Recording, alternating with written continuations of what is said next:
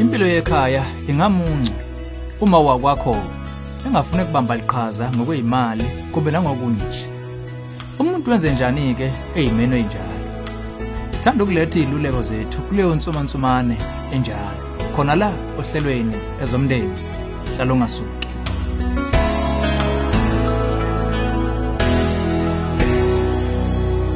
Angikubingelele ezomndeni.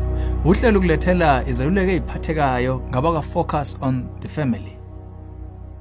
Sithole nanku umbuzo okhathazayo kunkosikazi osexakekile. Ubuze wathi kukhona kodwa engakwenza ngendoda enqaba ukuthola umsebenzi? Sineminyaka ewu12 sishadile. Kwe-10 yonke ubeyihlala ekhaya engenzi lutho lonke usuku ngesikhathi mina ngisemsebenzini. Akafaki lutho la ekhaya nasemndeni wethu. Kuya kuthi shu. Enye izingane zethu yatholakala nesifo okubizayo ukuselapha. Manje umsebenzi wami uwodwa angeke ukwazi ukubhekana lezo ndleko. Nanxa kunjalo ufuna ukuqhubeka ezihlalele nje. Ngingangibonisa nithini? Yebo siphakamisa ukuthi umkhwena wakho udinga uqoqozelo olukhulu. Emva kweminyaka elishumi yonke kunje kucacile. Kumele izinto zishintshe la kodwa ngeke ishintshe inqobo usatotosa lomkhuba wakhe. Kunokwenzeka athi nguwe oyimbangela yokwenzela kuye enganakini. Kuyisikhathi sokuthi kume konke lokho manje. Into yokuqala odinga ukuyithola ukuthi ngempela kwenzekani enhloko yakhe. Kungani enqaba ukuthola umsebenzi qeda sebenze ngakube kunento embi eyenzeka la gcina khona ukusebenza? Ngakube unengcindezi thizeni ngokwezempilo? Ngakube kunento emenza angafuni ukubamba iqhaza endlekweni zomndeni wakhe? Ngakube kuneyinkinga ejulile zomshado nawe ezenza aguqule ubudlane ngawe. Kumbe ingoba nje eyimbuquzi nje yevila elicabangela lona kuphela. Singanakho ukucabanga kukhona into ejulile kulolu daba lwakhe. Umongo wodaba sibuka izinga leqophelo obudlane benu bese kuthi enhlamvini lobudlelwane amava enu okwazi ukuxoxisana ami kanjani?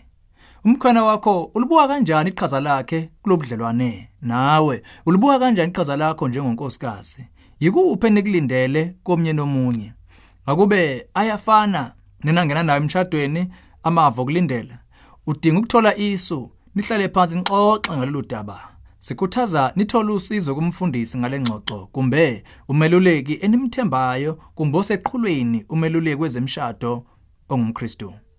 Uma umkhana wakho esaqhubeka enqaba ukusiza ekhaya kumbe ukuthola umsebenzi phezulu kwemizamo yakho yokuhlanganisa ingqondo naye so isikhathi sokudlula eqophelweni elilandelayo. Lesi isikhathi sokufaka uthando oqotho olunzima.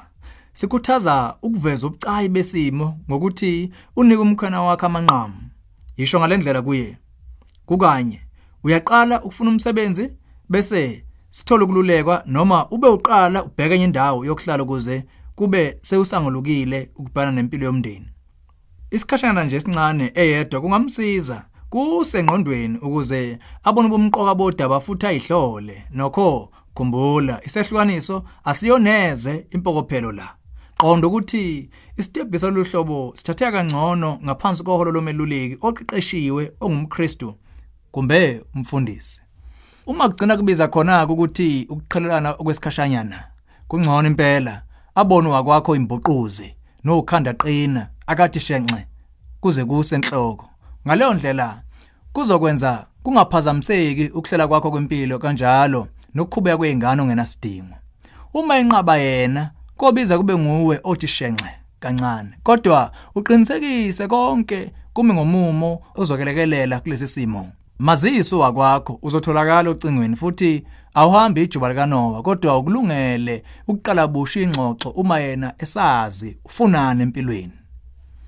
Uma udinga ukukhuluma nomeluleki oqeqeshiwe sicela ufonele focus on the family eminyangweni wezokeluleka kwethi 031 716 3300 bayokwazi ukuxhumanisa nombonisi wezemshado oseduze nawe. Sikhulekela uguquko oluhle enkambisweni yomkhwena wakho nasebudlelaneni benu.